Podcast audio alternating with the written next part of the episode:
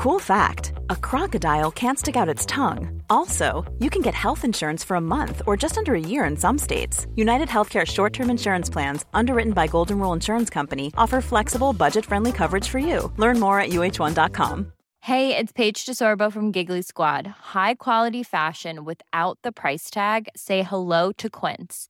I'm snagging high end essentials like cozy cashmere sweaters, sleek leather jackets, fine jewelry, and so much more. With Quince being 50 to 80% less than similar brands.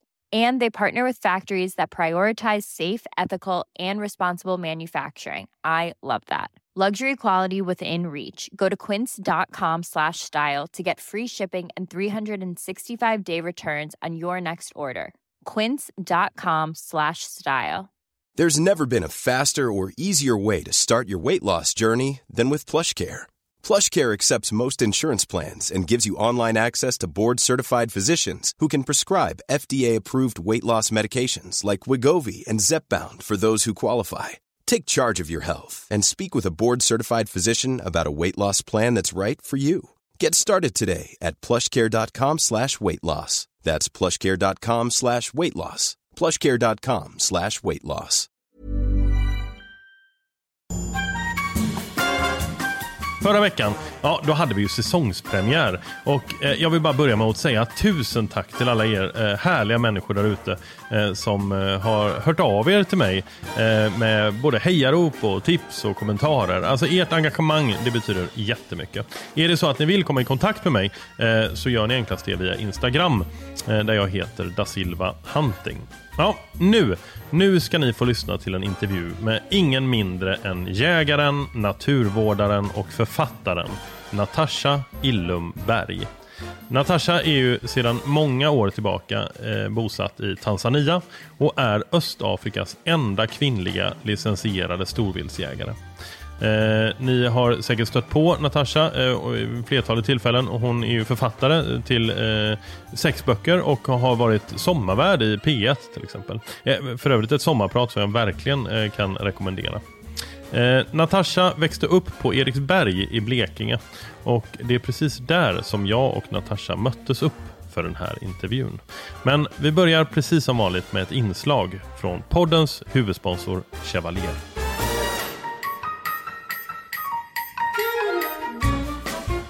Ja, då sitter jag här med dig Kalle igen. Ja, hej. Läget? Bara bra. Gött. Ja. Eh, och idag så ska vi prata om ett jaktställ som jag personligen tycker eh, ser helt fantastiskt ut. Eh, och det heter Hamilton. Ja, men precis. Ett nytt ställ för hösten. Mm. Ett väldigt allround ställ som är vattentätt med en Gore-Tex liner. Mm. Vilket gör att det blir väldigt mjukt och tyst. Och vi har försökt att jobba med ett yttertyg som är lite grövre men ändå mjukt. Så att hitta den här kombinationen av styrka och tysthet som eh, man eh, ofta vill ha. Ja, för tyst är det ju verkligen. Ja. eh, För att vara den här typen av jacka. Det här är ju sånt där plagg som man verkligen kan ha mycket, känns det som. Och är det kallt så kanske man behöver något vadderat eller någon ulltröja eller någonting under. Nej men det är ju ett skalplagg eh, Mm. skulle man kalla det. Det har ju en lätt eh, li- eh, liner inuti sig men tanken med den här är ju ett Vi hade väl lite det här bruksplagget, jaktbruksplagget som man kan ha till allt verkligen. Mm. Eh, Har det ryggficka som du brukar ha? Ja men precis, Game Pocket. Ja, vad snygg den var. Den var ju nästan Eh. dold också. Ja, vi har ju försökt att få till lite det här mer klassiska stuket och gömma vissa saker Mm. för att kunna göra plaggen eh, mer klassiska i sin, eh, ja men i det visuella. Det, det, alltså, gå in och kolla på detta för det här är ju liksom eh, Det här är ett otroligt gediget plagg. Eh, och så är det byxor till också då. Byxorna har tvåvägsdragkedja Mm. för att du ska kunna ventilera. Mm. Och det är egentligen samma på jackan. Vi har satt en knapp längst ner för att du ska kunna knappa åt den och dra upp dragkedjan så att Mm. du lätt kan ventilera men inte öppna upp hela Nej. jackan så att den ligger och fladdrar Smart. för att, ja, men du, när du är aktiv och vill kunna släppa ut överskottsvärmen. Al- Alltså det här är ett verkligen komplett jaktställ. Eh, gå in chevalier.se och kolla på Hamilton. Tusen tack för att eh, du ville prata med mig. Men tack så mycket. Tack.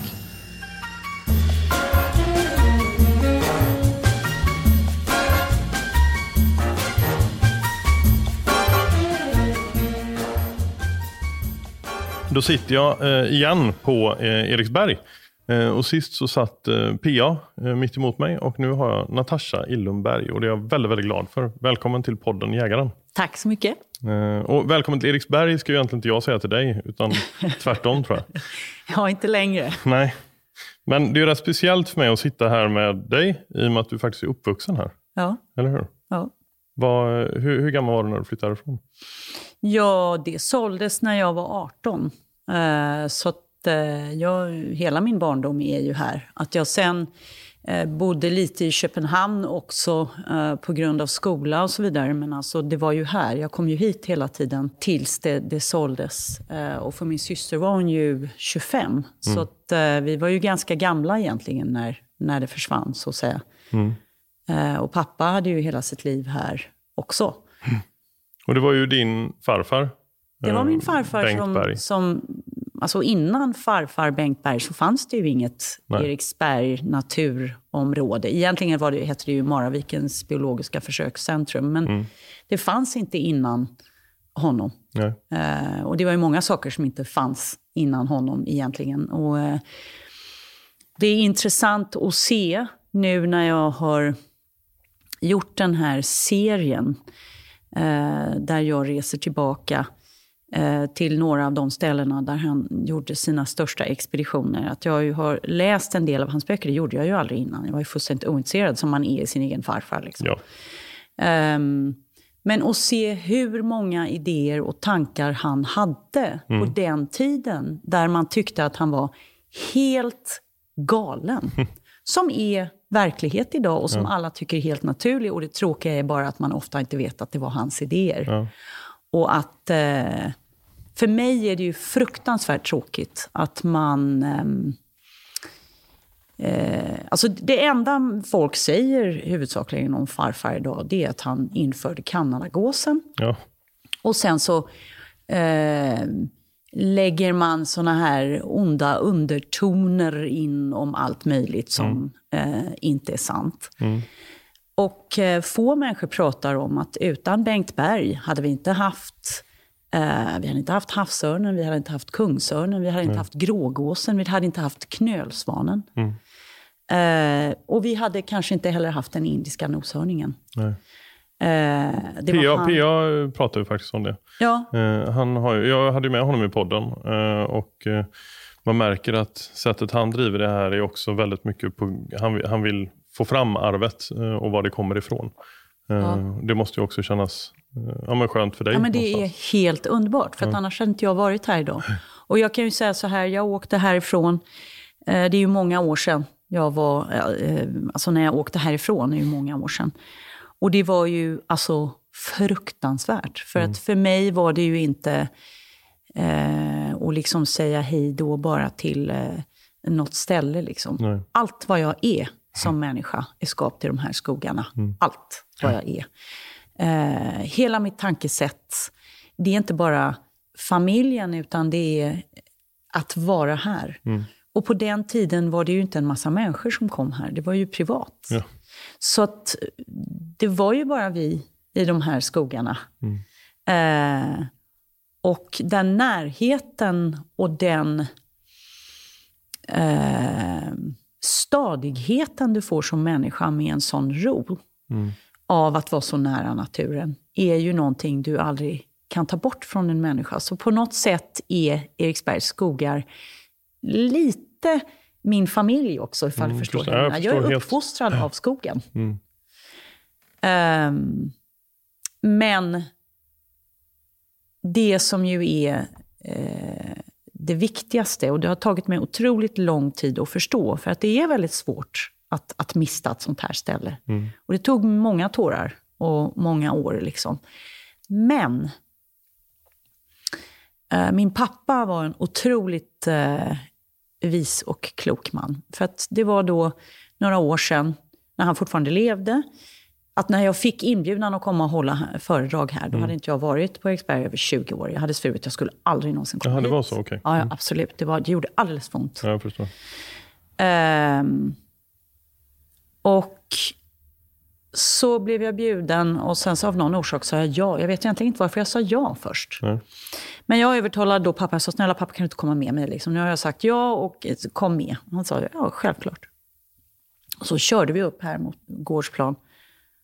Och så såg jag liksom att där stod det en massa människor och det var någon journalist och så vidare. Och jag tittade på pappa och sa, nej pappa, nu vänder jag bilen, nu drar vi. Jag, jag klarar inte det här. Du vet, huset är ju något helt annat idag. Mammas mm. rosor var borta och det var asfalt och liksom, allt var ju något annat. Va? Um, och så sa han, nej du lilla gumman, nu är det någonting du har missuppfattat. Mm. Och jag bara, okej. Okay. Jag får alltid tårar i ögonen när jag säger det här. Mm. Um, så sa han, eh, nu när vi körde upp från grinden upp hit, säg mig, uh, vad, vad, vad, vad såg du? Såg du uh, en militäranläggning som de hade diskuterat att ha här en övergång? Nej. Såg du att det är någon som har tagit över som liksom bara har röjt hela skogen och tagit in pengar och sen sålt eh, efteråt? Nej. Okej, såg du den där golfbanan som de hade hotat med? Mm. Nej, pappa, det såg jag inte. Nej, vad, vad, såg du då? Nej, men jag såg eh, skogen och djuren. Mm -hmm. Så du såg allt det som din familj har kämpat för i alla de här åren? Ja. Så vad fan är du lipar över? Ett mm. hus. Och det är ju fullständigt, jag sitter ju fortfarande och får tårar i ögonen mm. över det, men han har ju rätt. Människan har ju fullständigt rätt. Mm. Du kan egentligen aldrig äga en skog. Det är ju, det är ju en, en, en löjlig tanke. Mm. Du kan aldrig äga hav, du kan aldrig äga djur. Men du kan äga makten att göra något bra eller något dåligt med det. Mm. Och jag måste ju erkänna att familjen Andersson har gjort, gjort något bra. Mm. Och det är ju det enda som betyder någonting. Allt det min familj kämpade för är ju här. Mm. Resten är ju bara ego. Det är bara ett stort ego resten. Det får man ju svälja för fan. Mm. Eller hur? Och därför har jag då fortsatt att komma tillbaka hit. Och sen så måste jag ju säga, tyvärr, för det är väldigt irriterande att säga att familjen Andersson är otroligt trevliga människor. Jag önskar att jag kunde säga att de inte var det, men det är de. Ja, alltså, när, när, vi skulle träffas nu eh, så tänkte jag ju att vi skulle prata mycket om Afrika och jakt i Afrika och så vidare. Och sen så ju mer jag har tagit del av det du har skrivit och det jag kunde hitta mig till, allt ifrån liksom ditt sommarprat och liknande.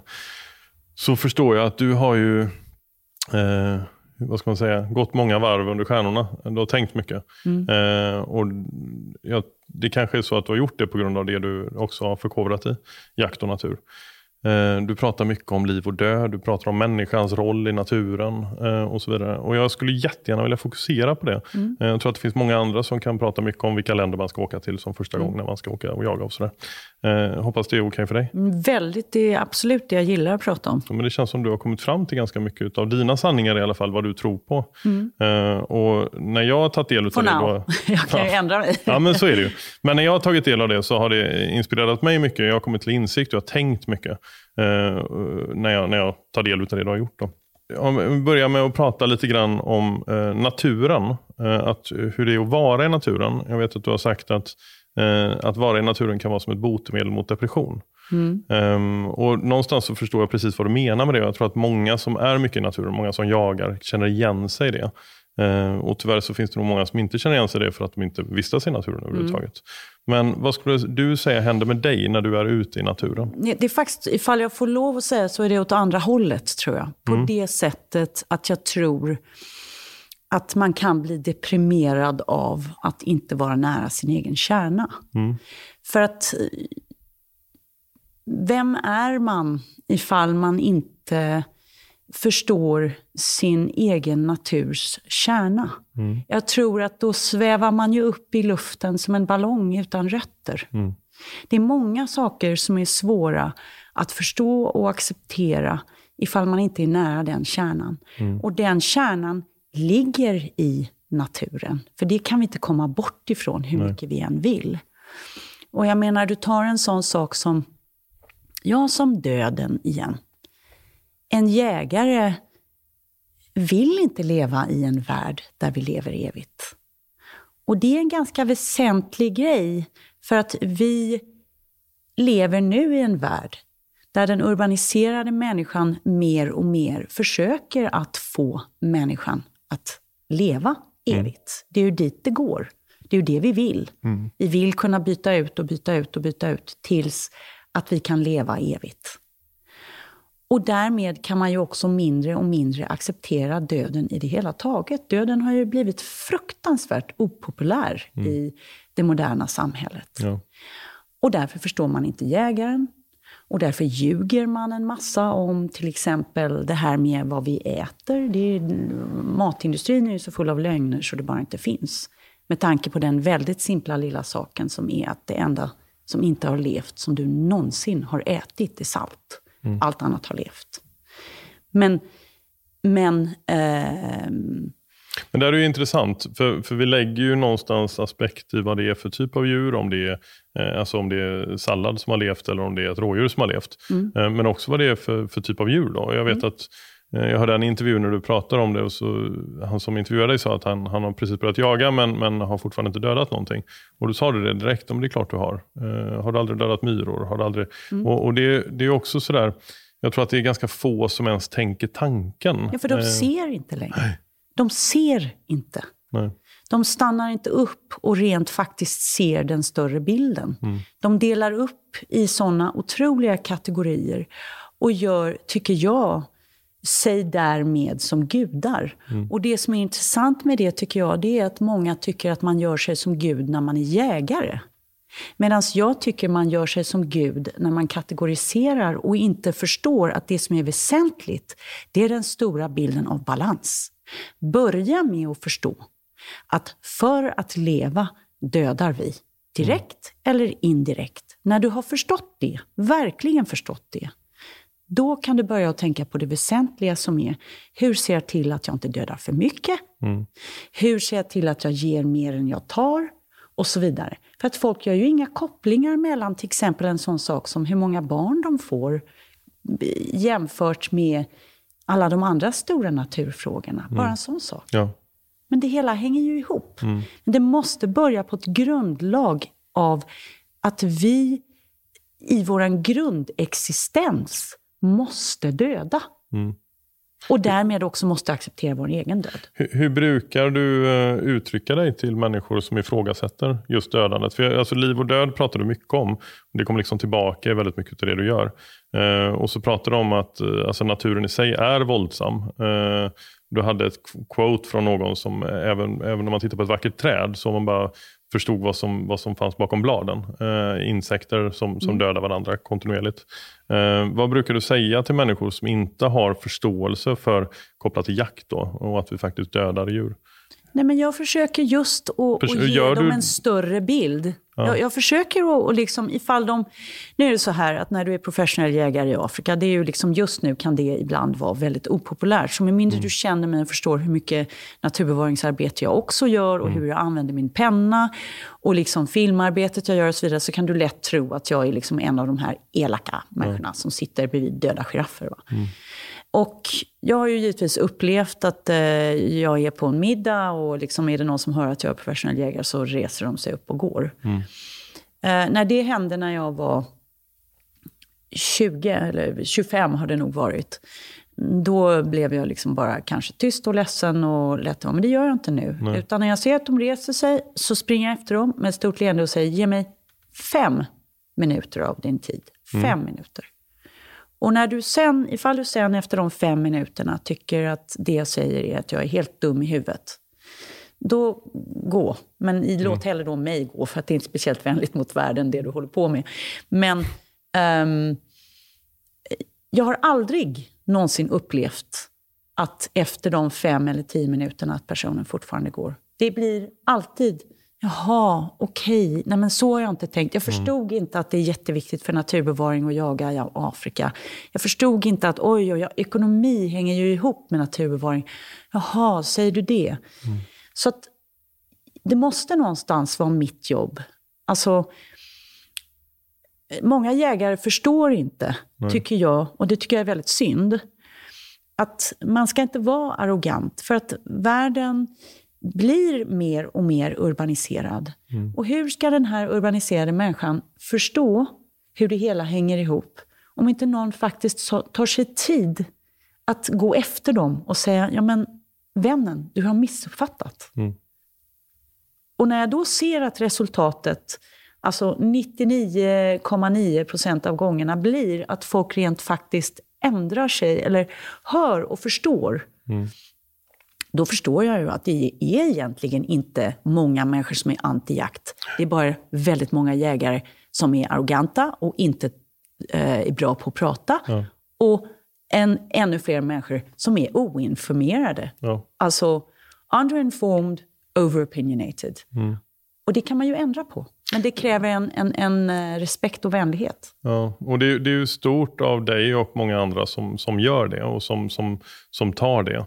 Eh, men jag tror att det är många som eh, tyvärr kanske har kommit till, eh, det har ju nog ingenting med ålder att göra, men där de känner att Nej, jag orkar inte ens argumentera för det längre. Dock så, så känns det som att jaktmotståndet i Sverige är ganska litet. Eh, jag tror att i senaste undersökningen jag såg så var det liksom 92 procent eller någonting sånt där som hade liksom acceptans mot jakt. Så, Och som förstod vad det handlar om. Men dock på vissa sätt. Eh, alltså det beror lite på vad det är för typ av djur, om det är predatorsjakt eller inte, om man ska äta djuret eller inte. Och, sådär. Eh, Vilket och hur söta djuren är. Liksom. Ja, Alltså, det vet ju vi. ja. Men, eh, så.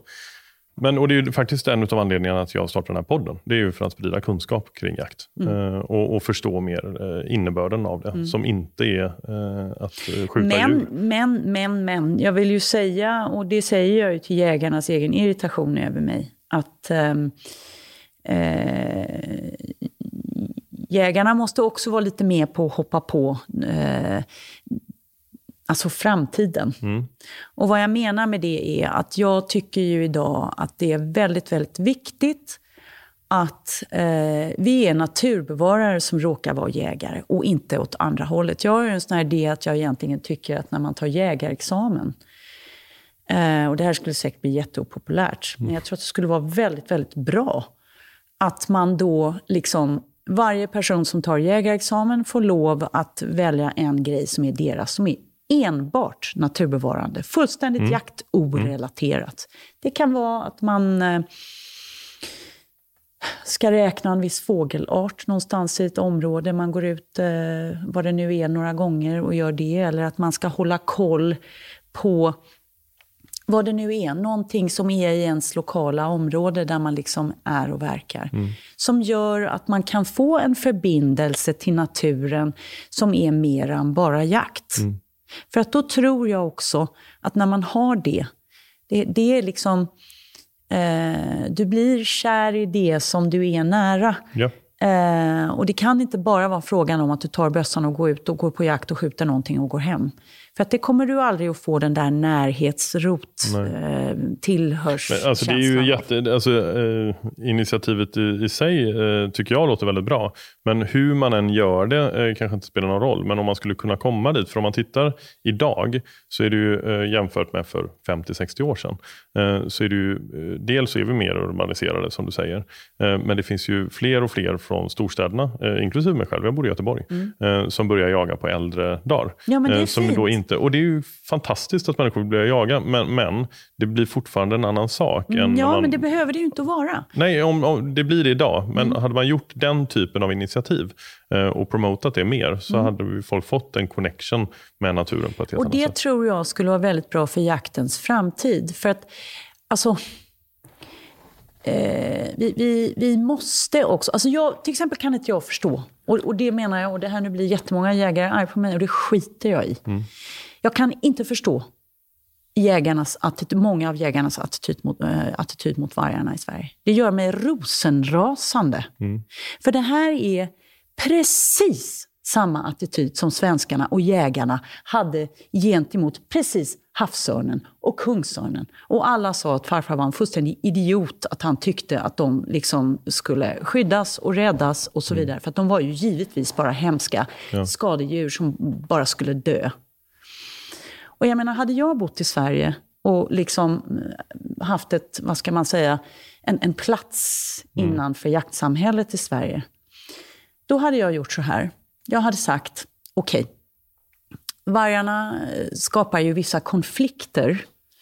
Men istället för att säga vargarna ska bort, då eh, är ju det här en golden opportunity för jägarna att verkligen visa vilka naturbevarare de är.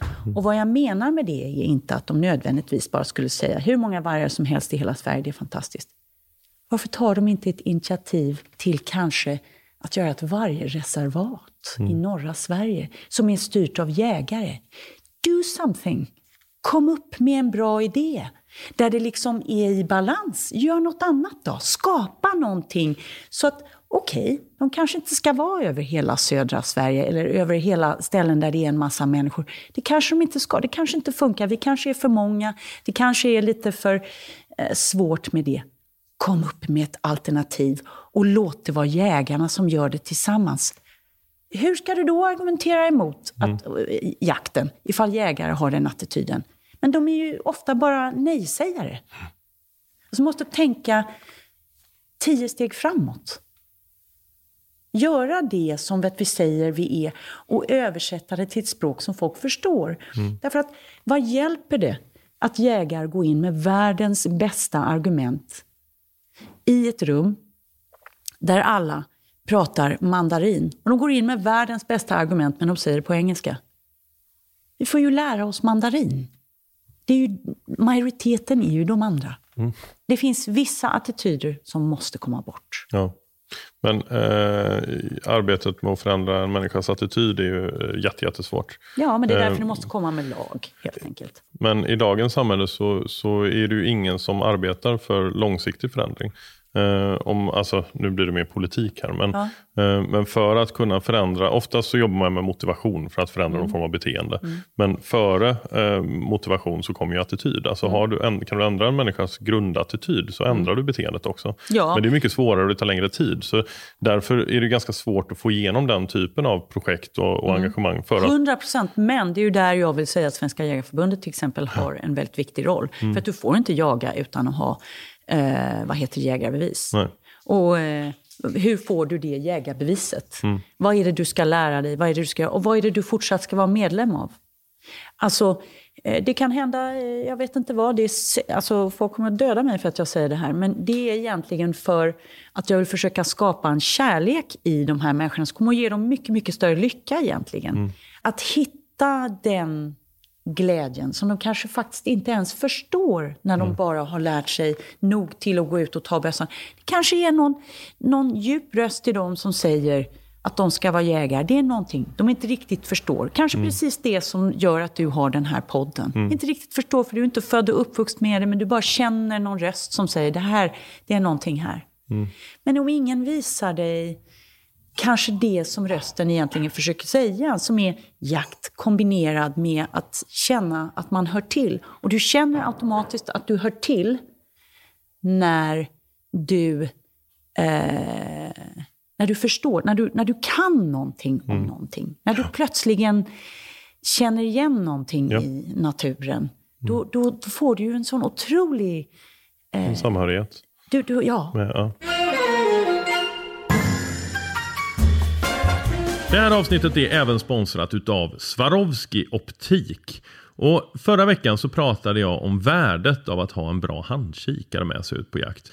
Eh, det finns många som har det på pyrschjakt och vakjakt och liknande. Men till exempel drevjakt, där tycker jag att det är extremt värdefullt att ha med sig en handkikare. För eh, att bli en säkrare skytt i skogen helt enkelt. Både för viltet men också för passgrannar och hundförare och liknande. Och eh, Swarovski har ju en mängd olika typer av produkter. Och Jag skulle slå ett slag för en kikare som jag tycker verkar sjukt spännande. Som heter EL Range Tracking Assistant. Det är liksom eh, värstingkikandet. Den, den, den har allt. Man kan koppla ihop det med sin smartphone. Eh, du kan eh, göra så att den, den, din personliga ballistikdata ligger inlagt. Eh, vilket gör att när, när kikaren då eh, med hjälp av att kolla atmosfärisk data eh, såsom lufttryck, temperatur och så vidare så beräknar den exakt hur du ska behandla ditt ballistiktorn eh, för det perfekta skottet. Förutom då avståndsbedömning och eh, ballistisk kompensation så, så, finns även en positioneringsfunktion vilket gör att du som skytt kan då både spåra din och viltets position. Eh, jag säger som Swarovski själva gör att välja optik av högsta kvalitet och smart teknik som stöttar och är anpassad för den moderna jakten. Det är ett steg mot en smartare och säkrare jakt. Swarovski hälsar skitjakt till alla lyssnare och vi, vi tackar Swarovski. Tack! Du sa en väldigt fin sak i ditt sommarprat, tror jag det var. Eh, och Då sa du att vi säger att vi går in i huset men ut i naturen. Eh, och att det då är ett, eh, om man kan säga, tydligt tecken på att vi är som mest eh, trygga, alltså inne i huset, eh, mm. men som egentligen är en onaturlig plats för oss, mm. i och med att vi någonstans eh, är djur som kommer från naturen. Så säger du också att vi faktiskt idag är det enda djuret som kan gå vilse i naturen. Mm. Jag tycker det här var otroligt tänkvärt och vill fråga dig hur du tror att vi människor kan och kanske bör göra för att återigen bli en del av naturen. Alltså för många människor så tror jag att det här kommer inte att bli en realitet. Uh, och det är ju för att vi kan ju inte förhindra att många människor blir mer och mer urbaniserade. Nej. Men det finns alltid, var du än är någonstans, åtminstone ett element där du kan vara med fullständigt i naturen. Men du måste bara veta vad det är för ett element du har där. Mm. Och så måste du liksom, man ska inte alltid tro att naturen är det som är långt borta, som många människor tror. Mm. Naturen är precis där du är. Mm. Du är ju naturen. Till exempel en sån här grej som när, när människor säger till mig att eh, ja, men jag bor mitt inne i stan. Det är liksom bara eh, cement och asfalt och eh, glas omkring mig överallt. Så liksom, hur tycker du att jag ska känna att jag hör till? Och du vet, det får mig att le lite grann, inte på ett elakt sätt, men jag säger, du har ju glömt ett helt element. Titta upp. Vet du inte att du kan se en fågel som kanske, får du bara minsta vetskapen, som kanske om tre veckor kommer att vara i Afrika. Som flyger över ditt huvud ifall du bara vet när. Mm. Eller insekter, vad är det där för fjäril? Alltså, det finns alltid. Men du måste bara som som den lilla grundgrejen, och det borde man ju kanske lära sig i skolan, åtminstone vara nog medveten att du bara ser vad du har där. Mm. Till exempel himlen. Himlen har du ju alltid. Mm. Fåglar flyger alltid, tack mm. vare, alltså fortfarande åtminstone. Mm. Eller så har du kanske havet där ute. Alltså det finns ju alltid någonting. Mm. Men det handlar ju också väldigt mycket om att vara i nuet. Och det, det är ju också någonting som du återkommer till. Eh, och, och um, Jag vet att du har pratat om att tiden är relativ. Eh, och Du gjorde en liknelse med fågelvägen. Eh, som också var väldigt så här, filosofiskt vacker. Eh, ett, ett sätt som jag faktiskt inte har tänkt på det innan. Men att Fågelvägen är alltid direkt. Alltså om du ser en sträcka ovanifrån eh, så är det en direktväg någonstans. Ja. Eh, men om man kommer nära och är, liksom, befinner sig på marken och luktar på gräset och är där, då är samma sträcka helt plötsligt ett äventyr med branta backar och djupa mm. dalar och, och liksom jobbiga, eh, svåra vägar och mm. strapatser. Fast du måste zooma in. Exakt. Ja. Men är det så du känner? För när jag tittar på hur du har, jag vet ju inte exakt hur du har levt ditt liv, men jag vet ju i alla fall liksom utifrån ett CV vad du har gjort för något. Och det känns som att det är ganska sällan du har valt den snabba, enkla vägen. Är det så du har försökt leva ditt liv? Att zooma in och... Eh... Ja, men jag har ju också en eh, sjukdom kan man säga. Att jag eh, både i mitt författarskap och i jakten och i naturen alltid letar efter en grundkärna. Mm. Alltså jag, jag, det är som jag har sagt andra gånger, jag känner att jag är född utan ögonlock. Alltså mm. jag, eh, jag vägrar att titta bort. Eh, jag vill närma, varken att titta bort från mig själv och mina egna fel och så vidare som människa, men också att bara titta så nära på alla de stora frågorna, titta så nära på gräset. Eh, ja, jag, jag har i mig en drivkraft som vill ha mig riktigt nära mm. allting som jag gör. Mm. Och den vet jag inte var den kommer ifrån, men alltså den bara har jag. Och vad ger det dig att vara, vara så? Ärlighet. Och vad är det inte? Vad tycker du, om du tänker tillbaka, vad, vad har varit... Ja, men det har kan det funnits några motgångar vara, på grund av det? Det kan vara besvärligt att vara ärlig. Mm. Eh, speciellt kan det vara eh, möjligen besvärligt för andra. Att man liksom vägrar att leka med. Mm.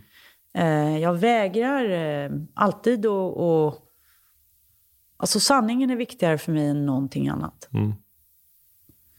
Eh, och, och jag hoppas verkligen inte att jag någonsin eh, gör andra människor illa. Jag går långt för att inte göra det och jag använder aldrig min penna som ett eh, elakt vapen.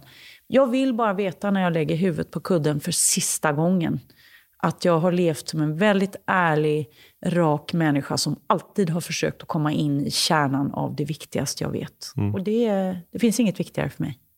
Och det är då till exempel också jakten. Ja. Jag tar, I don't take any shortcuts. Nej. Och det är inte för att bevisa någonting. Det är för att då, då mister allting sin mening för mig. Men det blir också ganska utlämnande. Jag tänker på, nu har du precis eh, skrivit en bok, som, eller ännu en, det är väl din sjätte bok, va? Eh, som då är brev till din dotter Mink. Det kan ju nästan inte bli mer personligt än så. Eh, och eh, du, du är ju personlig men också då väldigt utlämnande Nej. eh, kring dina egna känslor, tänker jag. Mm, Nej, jo, mina egna, men jag är aldrig utlämnande om andra. Nej, inte om henne, utan jag menar om dig. Ja. Eh, alltså, dina brev till din dotter handlar ju om... Ja, eh, ja, mina, ja Exakt, så absolut. Mm. det, det blir ju, du blir ju liksom väldigt öppen. eh, Och då tänker jag, hur, hur är det att vara så öppen med sina tankar och känslor som jag du kan är? inget annat. Nej. Jag vet, så jag vet inte hur det är att ta på mig en ansiktsmask. Eh, jag- Så jag, jag, alltså jag, jag vet inte hur man gör något annat. Jag förstår inte, det är tidsspill. Jag förstår inte varför man skulle vilja vara annat än... Alltså vi har ett sätt, ett, ett, vi har många sätt, men vi har ett gedigent sätt att eh, kommunicera med andra människor på. Och det är att använda ord. Och jag förstår inte, jag har inget emot att liksom, jag har ju själv bott i tält uppe på en kulle i 16 år för mig själv. Jag kan absolut ha det väldigt bra i mitt eget sällskap. Men ifall jag ska försöka kommunicera med andra människor, eller om det så är rent fysiskt eller i mina böcker, för det är ju det du trots allt gör. Du, du försöker ju att kommunicera med människor när du skriver någonting, om det så är fiktion eller om det är biografi. Men då måste det ju vara ärligt. Jag, vet- jag förstår inte hur man går halvvägs. Jag vet inte hur man går halvvägs.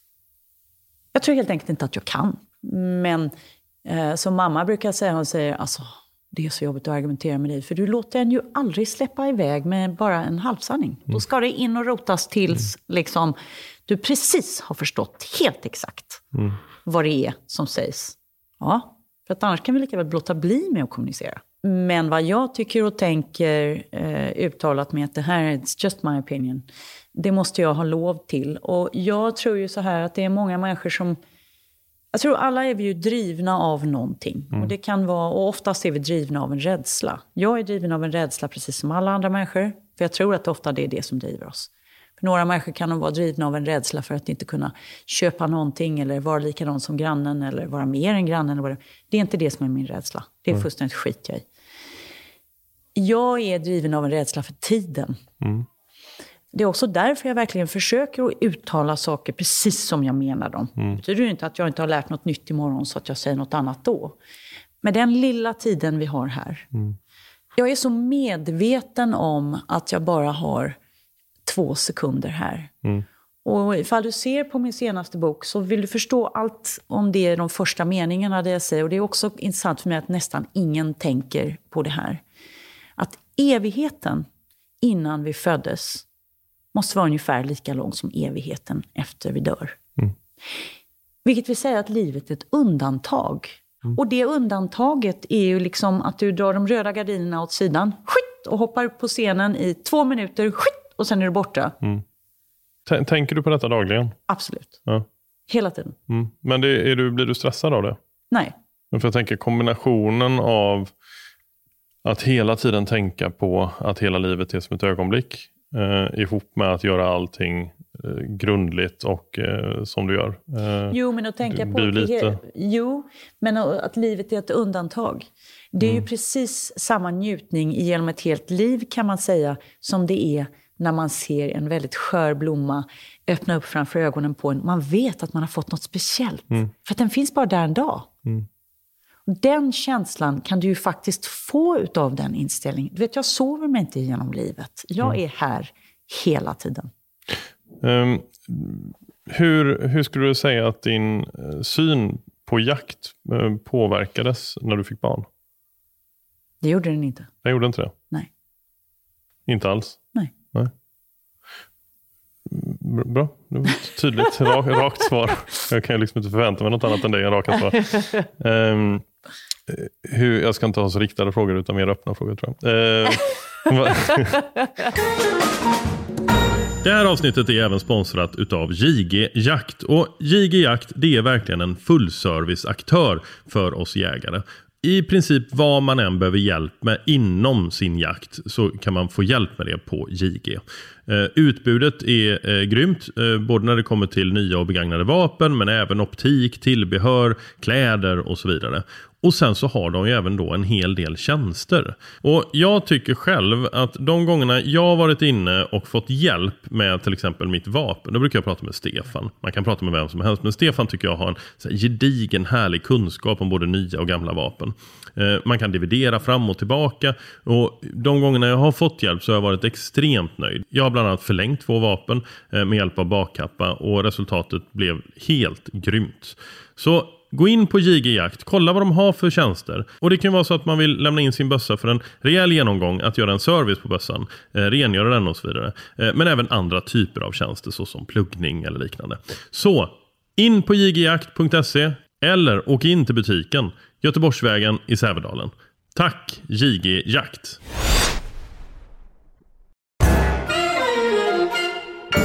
Du är ju den enda kvinnan eh, att vara professionell licensierad jägare i eh, Östafrika. Hur känner du eh, när du blir uppmärksammad för det? Jag tänker på just att du är kvinna. Jag känner att eh, jag har så mycket att säga i mig själv. Att eh, ifall det som gav mig plattformen var att eh, jag var kvinna, Mm, det var ju bara tur. Mm. Men det är ju det minst intressanta jag har att prata om. Det är Exakt. om jag är kvinna eller ej. Och mm. det vet jag. Mm. Eh, för att jag hade ju pratat om de här sakerna om jag var man. Eh, eller, alltså, så att för mig är det ganska oväsentligt. Mm. Men om det är det som ger mig mikrofonen, du vet. Mm. I ditt eh, sommarprat så höll du ett eh, tyst, fem, 15 sekunders tystnad för de mördade drömmarna. Eh, när du ser tillbaka på eh, dig själv och ditt eget liv. Mm. Uh, har du haft några mördade drömmar? Nej. Det är bara nej, rakt nej. av? Nej, inte än. Nej. Och när du, det, det är ju fantastiskt. Mm. Um, men det ehm, kostar också. Ja.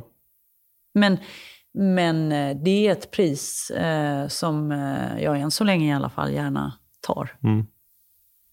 Alltså du, du, känns ju, både när man träffar dig och när man hör om dig och läser om dig och sådär, eh, alltså otroligt driven eh, och man förstår att du har uppföljt dina drömmar.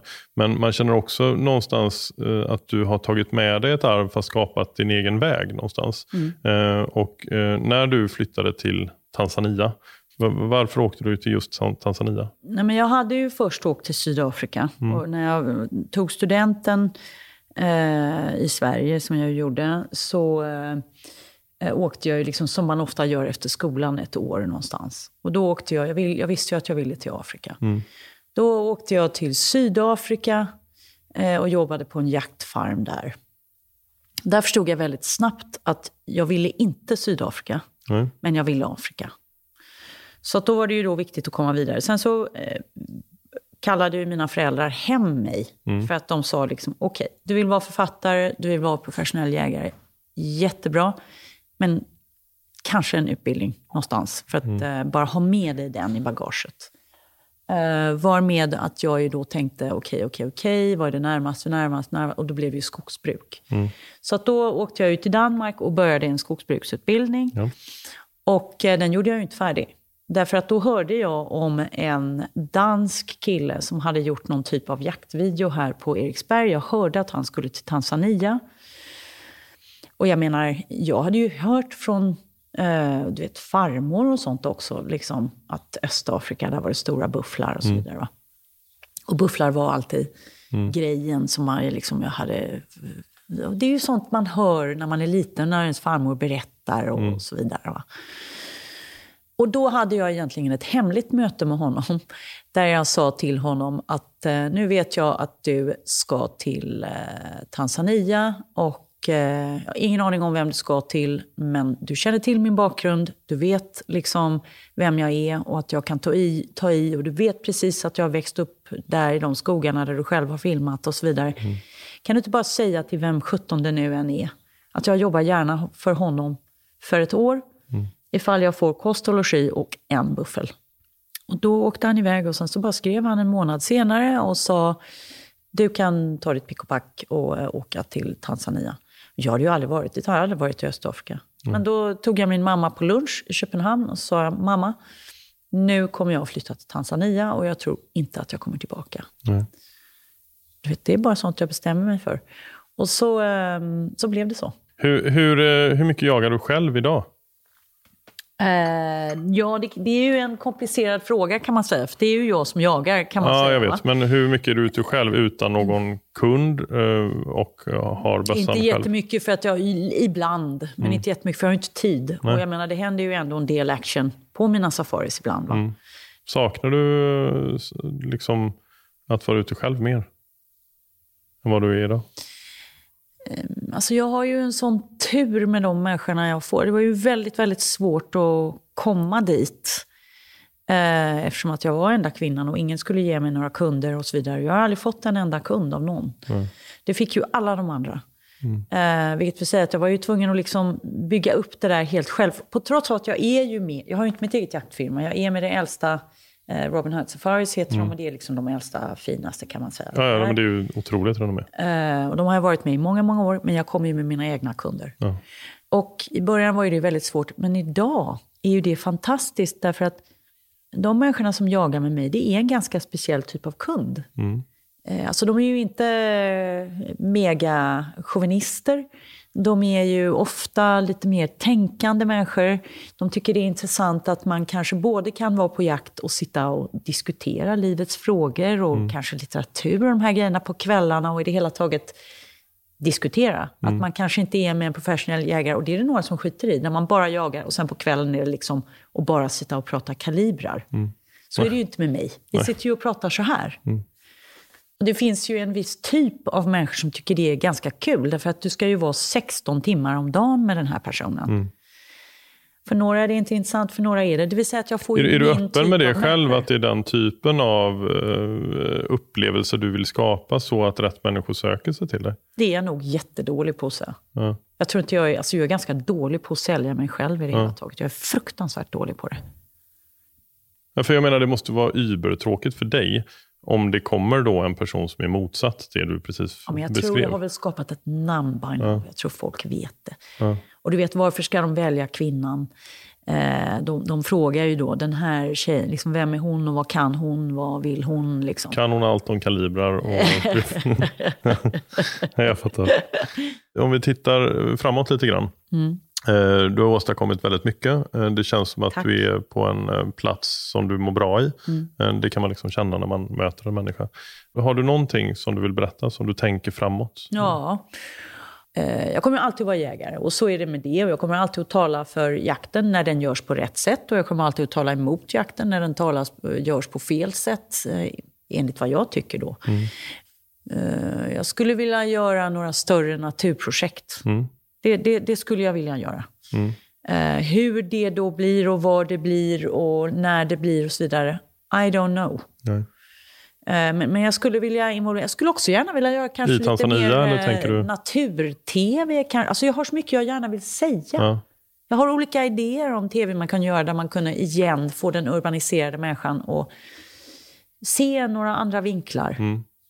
Alltså jag är så villig att förklara och visa. Var, hur, när, I don't know. Men då måste jag, när, när vi pratar, eller när du pratar om den urbaniserade människan, mm. då tänker jag ju på eh, svenskan. Eller på eh, europeen. Eh, för att det är det som jag vet och kan. Eh, men om du eh, lägger den aspekten i Tanzania där du själv bor, finns samma utmaning där? Ja, absolut. Men Ja. jag pratar om den urbaniserade människan. För mig är människan som bor i storstaden. Men eftersom att mycket av världens trender och så vidare kommer ifrån Europa eller USA, då är det ju ganska bra eh, att... Alltså, det är olika nivåer så att säga. Ja. I, I Afrika och, och sådana ställen så är det ju viktigt att vi får en, att vi, alla människor får en grundutbildning först och främst. Um, Medan i västvärlden, eller vad man ska kalla det, är, kunde min, är, min roll nog mer viktig någonstans. Därför att eh, jag har mer en eh, roll att prata om naturen till trendsättare i världen. Fattar. Ifall du förstår hur jag menar. Och, och det, var, det var dit jag ville komma egentligen. Så när du säger ett projekt som skulle Ja, få då den urbaniserad, jag- då ja. pratar du om eh, västlänningar eller, eh, eller, Ja, eller till svenskar? rösten ska Eller, gå dit, men det betyder inte att jag inte kan göra det Nej. från Afrika eller var det nu är. Va? nej. Ja, så länge man, alltså det, det som kan vara svårt där är ju att människor kan ha svårt att ta till sig saker som är för långt bort. Eh, alltså att man inte känner samma connection helt enkelt. Ja och nej. För att jag menar, du vet, jag har ju varit 30 år i Afrika och jag sitter här och pratar med dig. Mm. Så att det kommer ju lite an på hur, om man liksom är villig själv att översätta Mm. det som är en upplevelse där till det som är livet här. Jag var i Tokyo själv eh, och eh, gjorde en eh, kort dokumentär om perfektion. Ehm, och pratade med ehm, kockar, eh, några av världens bästa kockar. Eh, och de förstod inte alls vad jag pratade om överhuvudtaget. Så hela idén blev liksom katastrofal. För att ordet perfektion finns inte i Tokyo. Nej, för det Eller bara finns inte. sanning. Exakt, Ja, för de pratar om, om utveckling.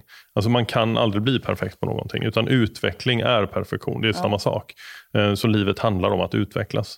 Ehm, Intressant. Och, ja, otroligt intressant. Eh, Och sen när jag väl förstod det, då blev slutresultatet ganska bra, för då kunde jag liksom prata på ett annat sätt. Då. Eh, Men, men att bli en bättre jägare dag för dag. Eh, Känner du själv att du är en bättre jägare idag än igår? Ja, det är jag nog. Mm. Det är jag nog. På vilket sätt? Jag har en ganska rolig historia med det där. Jag var på jakt en gång för kanske 11 år sedan. Och då hade jag med mig en gammal tracker som var, alltså han var ju redan 70 år. Han kunde varken se eller höra. Men han var ganska trevlig att ha med sig därför att, men det var han, han var en underbar människa. Och han hade levt ett fantastiskt liv och han hade själv varit fantastisk tracker i, du vet, 50 år. Men nu var det liksom, det, det, det var inte så bra med ögon och öron och sådär va. Så att, det var si och sådär med det han faktiskt gjorde. Men det spelar ingen roll, vi hade det, Det känns som två väsentliga sinnen. Ja, för att precis. Ja. precis. Men han var bara en underbar person, så att han, han gick med mig. Mm. Och jag är ju ganska glad för att tracka själv, så det gjorde ingenting. Eftersom att han var 70, då kände han, och jag menar han är ju liksom, precis som i alla hierarkier i världen, du vet, han var ju anställd av mig. Va? Så att du vet, det är ju inte så ofta att du går till din boss och börjar liksom personligen kritisera vem eh, de är och vad de står för och så vidare. Så det gör du inte, skulle jag aldrig göra till min egen chef. Men han hade en ålder där, alltså, du vet, han bara fick lov att säga precis vad som helst. Så att han säger så här, så säger han, mm, "Ah, du, eh, nu ska jag berätta någonting. Jag är ju då från Sandawe-stammen, som är en jägarstam i Tanzania. Jag bara, ja, jag vet. Vi brukade ha jakthundar. Jag bara, mm. Tikarna är de bästa jakthundarna. Ja, tänkte så här, det var något trevligt att säga. Liksom. Jämför mig med en tik som en jakthund, det är skitbra. Men, man är alltid sådär lite, lite överallt. Och de är väldigt, eh, har väldigt lust att göra allt och de är väldigt duktiga. Men de är så här lite överallt liksom. De har inte lugnat ner sig förrän de får valpar. Och jag bara, okej, säger du nu vad jag tror att du säger till mig? Men jag, jag sa inte det, utan jag bara lyssnade och bara, ja, så att, eh, jag bara säger att jag tror att det skulle vara väldigt bra för dig att få valpar. Och jag tror att han har rätt. För att jag känner att när jag har fått min valp, att eh, jag faktiskt är lugnare. Mm. Så att eh, det, det är väl det som är bra.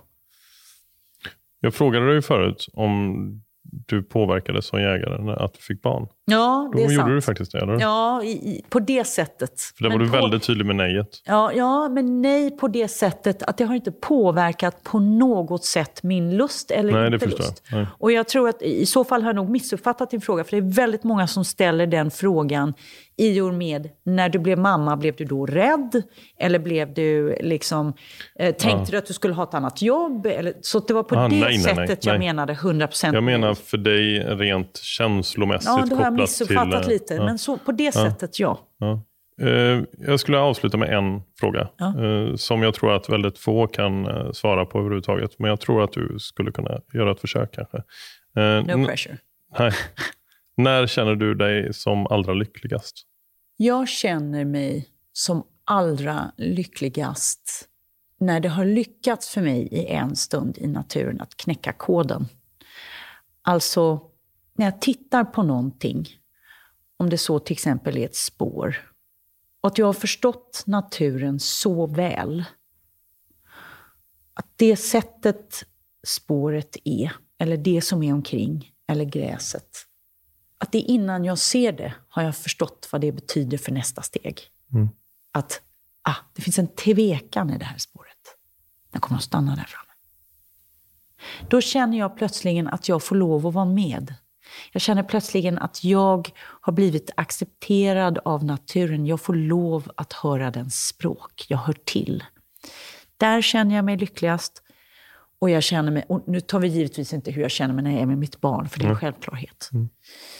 Och jag känner mig lyckligast också när jag har skrivit en, en mening där jag känner att jag fick hål igenom till det som var det tysta språket i min egen själ. Där jag inte trodde att jag skulle kunna sätta ord på det, men plötsligen så blev det en avbild av den tysta själen. Att jag, kunde, att jag lyckades sätta ord på det för mig själv. Andra kanske inte alls läser det så, men för mig blev det precis så känns det där inne. Det, det är nog där jag känner mig lyckligast. Tack. Otroligt inspirerande att få prata med dig. Tack. Vi pratade inte alls så mycket om eh, buffeljakt och eh, liknande. Eh, och det var liksom inte heller det jag faktiskt ville. Nej. Eh, det är kanske många som lyssnar som bara, men varför pratar ni Nej, inte men om jag är det? så glad att få prata om det här. För att det här är ju liksom... Jag tror att många kan svara på frågor angående buffeljakt. Men det är ju inte det tror jag som är det viktigaste jag kan säga. Om jag har någonting alls som är viktigt. Men det är det bästa jag kan prata om i det här. Tusen tack för att du ville vara med. Tack själv. Tack.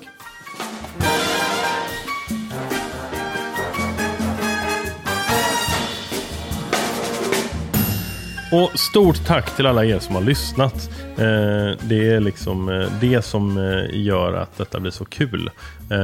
Dels så är det ju roligt för mig på samma sätt som jag tror att det är för er att träffa mina gäster och lära mig och inspireras utav dem. Men att jag vet att det är väldigt många där ute som lyssnar på detta gör det ännu roligare. Så tusen tack för det. Nästa vecka på torsdag, ja men då är det dags för ett nytt avsnitt och då mina damer och herrar, så ska ni få träffa Kalle Stolt som har Gamekeepers Kennel. Eh, det blir ett långt och härligt avsnitt som handlar eh, självklart då väldigt mycket om hundjakt. Eh, vi ses om en vecka. Hej!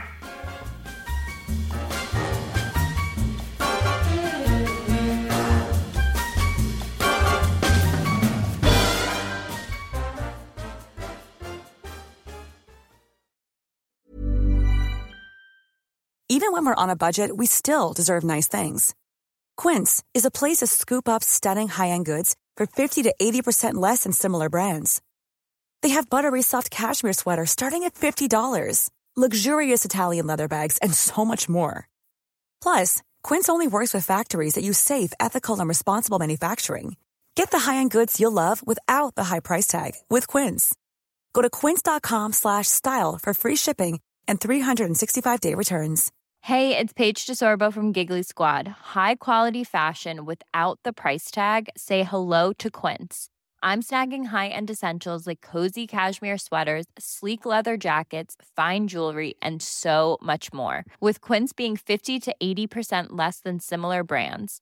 And they partner with factories that prioritize safe, ethical, and responsible manufacturing. I love that. Luxury quality within reach. Go to quince.com slash style to get free shipping and 365 day returns on your next order. Quince.com slash style.